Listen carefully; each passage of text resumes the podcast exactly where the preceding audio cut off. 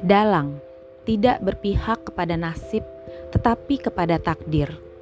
Kau pasti masih ingat, kita pernah suatu saat membayangkan sebuah dongeng tentang waktu yang wujudnya remah-remah yang bisa kita kunyah, telan, dan muntahkan kapan saja agar tetap ada.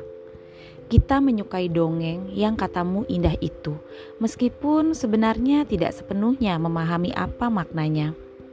Sar, kalau saja kita bisa hidup di luar waktu katamu tiba-tiba.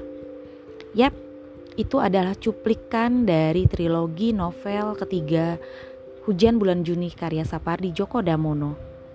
Tepatnya, yang fana adalah waktu.